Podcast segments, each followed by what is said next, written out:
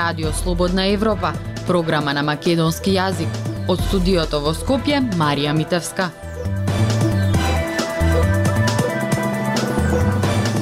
Почитувани го слушате неделното интервју на Радио Слободна Европа. Наш денешен гост е на градоначалникот на Куманово Максим Димитриевски. Со него разговаравме за неговите политички амбиции, за соработката со СДСМ и другите партии, за наредните избори и за уставните измени. Останете со нас. Господине Димитриевски, веќе шеста година а, поред сте градоначалник на Куманово. А, вториот мандат го добивте без поддршка на вашата матична партија СДСМ на која се уште сте член. А, во меѓувреме формиравте граѓанско а, здружение Движење и сте практично во кампања. А, треба ли да има предвремени избори? За предвремените избори одлучува мнозинството во парламентот. Моето субјективно мислење е дека секои избори се тест за демократија во државата и потребно е час поскоро оваа власт која што лошо работи, лошо менеджира со државата да си оди, да дојдат одговорни луѓе со јасен концепт, визија како честно и достоинствено ќе придвижат Македонија да тргне напред бидејќи ние сме држава која што во континуитет стагнира, а за жал сме сведоци дека секој дневно расте криминалот, корупцијата, злоупотреба на позиции, јавни функции, само себе наградување на поединци на власта и едноставно држава државата функционира како приватно акционерско друштво во кое што дуи всушност е главниот менеджер, а придружниот елемент на власта се моите поранешни сопартици од редовите на Социјалдемократскиот сојуз, зборувам за функционерите или политичката елита која што вози оваа партија и на кој што се однесува до членството.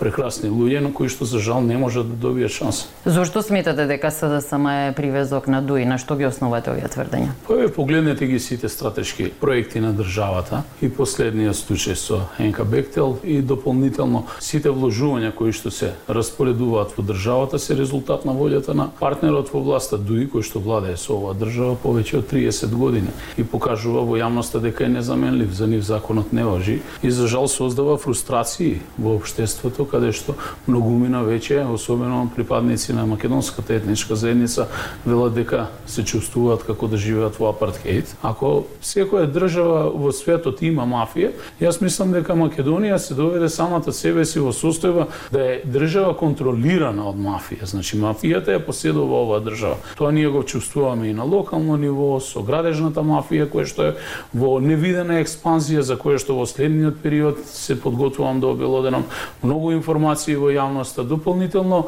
злоупотреба на државните институции како што е МВР во делот на взаемно политичко прекусурување, ако тоа во минатото во периодот на Груевски беше МВРО, сега тоа е МВРО со 2 начело со Спасовски, каде што секојдневно живееме така како што живееме. Ако не сте послушни, ќе се соочите со лажна анонимна кривична пријава против вас и отварање на 10 истраги во еден момент. Наместо да се трошат ресурсите суштински да се сузбива криминалот, всушност вие ги трошите ресурсите, сите тие инспекцијски служби кои што доаѓаат во контрола ги плаќаме ние на работи кои што однапред се знае дека не постои никакви елементи на било какво сторено кривично дело. Значи, а сметате дека МВР се користи за реваншизам на да, чело со министерот се користи, МВР се користеше така и во периодот на избори, особено во Куманово, вие бевте сведоци на сето тоа, го гледавте и во јавноста и ден денеска се користи, но во една скриена форма. Ако може една општина во еден ден да добие 9 истраги за наводни сторени кривични дела по член 353, замислите па зарем толку многу сторители имаме по член 353. Значи криминалот во оваа држава е во власта во највисоките сите нивоа на власта. Дајте да тргнеме да го провериме прометот на парите, каде тоа се трансферираат парите, кој тоа инвестира во државата, како тоа одредени политичари преку квази поединци станаа најголемите собственици на капитал во државата, додека бизнисот во континуитет стагнира. Бизнис заедницата е запоставена во општа стагнација. Единствено тие кои што го зголемуваат капиталот во државата се поединци блиски до власта или директно политичарите. А, ки има ли тогаш во вашето граѓанско движење а, лица од СДСМ или од другите партии? И некаде септември, октомври ќе го регистрираме главното движење во Скопје, каде што ќе излеземе со целосниот концепт на нашето здружение и ќе го покажеме и, и моменталниот кадровски потенцијал кој што на, на вистина е можам да кажам составен од луѓе кои што се докажани во своите професии, но и дополнително луѓе кои што не влешат никакви политички опашки и опашки во јавниот живот во државата. Успешни луѓе од својот сегмент на работење и делување, отворени сме за сите. И за социјалдемократи, и за припадници на ВМРО, и луѓе кои што биле во други политички партии. Значи, буквално сме отворени за соработка со сите. Нема простор единствено за оние кои што се одговорни за состојбата во која што Македонија се наоѓа денес. Споминавте дека општината се соочува со проблеми од централно ниво. Тоа значи дека немате соработка со власта и со премиерот? Не можам да генерализирам дека нема соработка со сите институции, но можам да кажам со право и потврдено дека имаме голема обструкција во дел на огромни проблеми во комуникација со одредени државни институции, блокада во одредени постапки, несоодветен пристап, недобивање на одговори, согласности, а да не зборувам за финансирање и делење на буџетот, бидејќи ако Куманово учествува во државниот буџет со некаде приходи од околу 7%, ние очекуваме тие пари дел да ни бидат вратени пропорционално назад. За жал не е така и тоа не го чувствувам. Всушност Македонија како држава не се децентрализира, туку се централизира секој дневно и час поскоро е потребно да доживееме суштинска децентрализација за да може власта да се практикува практично таму каде што е најпотребна на локално ниво. Ако пред 20 на години токму голем број на членовите од ДУИ дојдоа со пушка на власт и влегува во законодавната власт со одреден број на освоени мандати. Потоа се имплементира во извршната власт. Денеска гледаме како чекор по чекор ја заземаат судската власт обвинителството, судот, сите оние афери во делот на поставување на судиите, избор, како тоа одеднаш членови на семејства на, на, на врвни политичари во државата стана експерти за право, помина, завршија академии, стана суди и така натаму. Позорем, во оваа држава не постојат други млади, еминенти, едуцирани лица кои што можат Ама, да ги вршат господине Димитриевски, на кого е вината тука, бидејќи СДСМ коалицираше со нив значи, за да значи, дојде на власт? А, не само СДСМ, сите политички субјекти до сега коалицираа со ДУИ. И час поскоро е потребно, значи, ДУИ како политички субјект, заедно со нивните досегашни коалициони партнери, да биде минато оваа држава, да дојде нова политичка гарнитура која што ќе преземе одговорност оваа држава да ја извади буквално од дното и да ја крене на нозе, да ги дефинира своите односи со сите своји пријатели, дефинитивно да изнајде решение за сите отворени спорови кои што се субјективни и ни се наметнати во случајот со Бугарија и да се придвижиме напред како држава. Дали има решение? Да, секако. Диалогот е решението и секако има понуди. Потврдивте дека комуницирате со лидерот на ВМРО ДПМН Христијан Мицковски. Би коалицирале со ВМРО ДПМН пријатели по после изборите? Јас потврдив дека коалицирам со сите политички лидери на сите политички партии, освен до сега сум немал комуникација со господинот Ахмети. Се занимавам со политика и нормално политиката е диалог, разговор, комуницирам со сите. Не можам да кажам што ќе се случува во иднината. А, го споминавте проблемот со Бугарија. Во вашиот кабинет е поставено бугарското знаме, бидејќи има припадници на оваа заедница и во вашата општина. А каков е вашиот став за уставните измени? Денеска Македонија нема проблем со Бугарија, кој што е наметнат еднострано од нивна страна, туку истиот проблем со прифаќање на тој документ прифативме да биде проблем на Македонија и Европската унија. Штом Европската унија ја зема, таа обврска кон себе, тогаш мислам дека е потребна да се донесе една декларација во бугарското собрание, што е многу потешко, каде што ќе се признае македонскиот народ, јазик, историја во континуитет, а доколку тоа не е возможно во бугарскиот парламент, тогаш тоа да го стори Европарламентот, нивните институции и со тоа да гарантира нешто од што се плаши македонскиот народ. Бидејќи целиот овој концепт ние како народ го доживуваме дека едноставно се работи на бришењето на македонската етногенеза. Видете, ние сме можеби еден од редките народи во Европа кој што во последните 30 години го отвараше својот устав како да е обично тефтерче и го менуваше по потреба на секоја етничка заедница, форма, било кој притисок кој што ќе дојдеше предлог од страна и така натаму.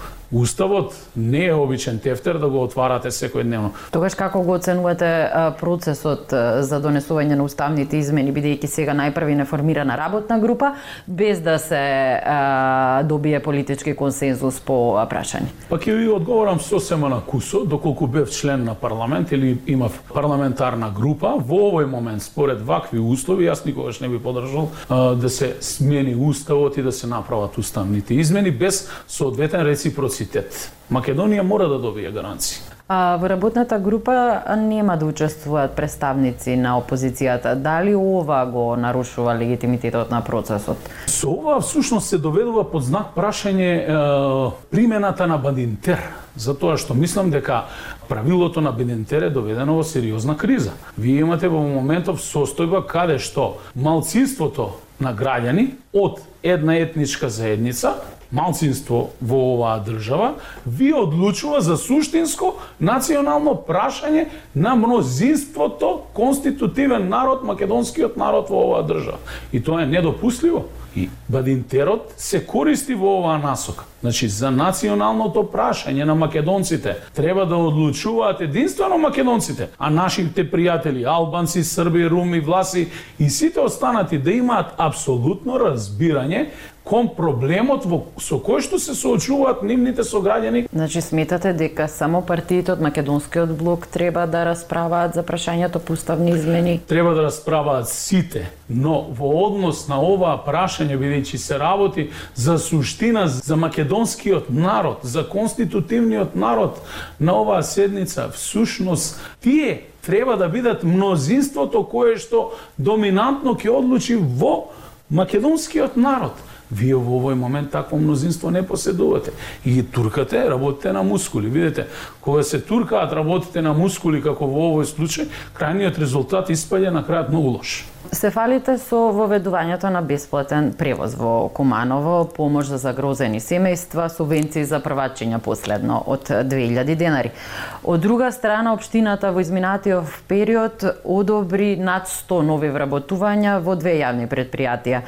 Водовод и чистота и зеленило, кои се меѓу најголемите должници во државата и чија директори вие ги, ги имате назначен. Не се нови вработувања, значи нам ни се потребни најмалку уште стотина работници, особено во делот на комуналното предпријатие за јавна хигиена и изнесување на смет. Ние во ова јавно предпријатие во континуитет имаме лица кои што работат под определено време, ги ангажираме преку работна агенција, а тие се луѓе необходни за да се одржува хигиената и првенствено се работи за трансформација на работни односи на лица. Дали се потребни нови вработувања, особено во сегментот на хигиената, паркинг услугите и другите јавни услуги кои што ги дава општината, да. Дали постои финансиска можност за тоа, ќе кажам не, за тоа што кога дојдов на позиција градоначалник, наследив катастрофално само лоша финансиска состојба во сите тие јавни предпријатија, кои што во најголем дел се финансиски блокирани за неплатен ДДВ од период 2004, 5, 6, 7, 8, 9, 10 и на крајот најбрутално блокирани од Министерство за финансии, тоа е управа за јавни приходи, за основен дол како е 40 милиони евра, имаат 40 милиони денари, имаат пресметано е, камата на истиот дол кој што е 5-6 пати поголема од основниот долг, што е нонсенс и на крајот кој ги уништува јавните предпријатија, повторно државата. И видете, таквите одлуки, на пример, долгот на јавно предпријатие водовод од Струмица од страна на владата беше избришан со одлука на влада, но затоа долгот на јавно предпријатие водовод Куманово не беше избришан. Зошто е таа селективност? Зошто за Струмица нешто да важи, а за Куманово да не може да важи? Но тоа е свесно направено за да се заблокира системот и да не се покаже успешноста на локалната власт.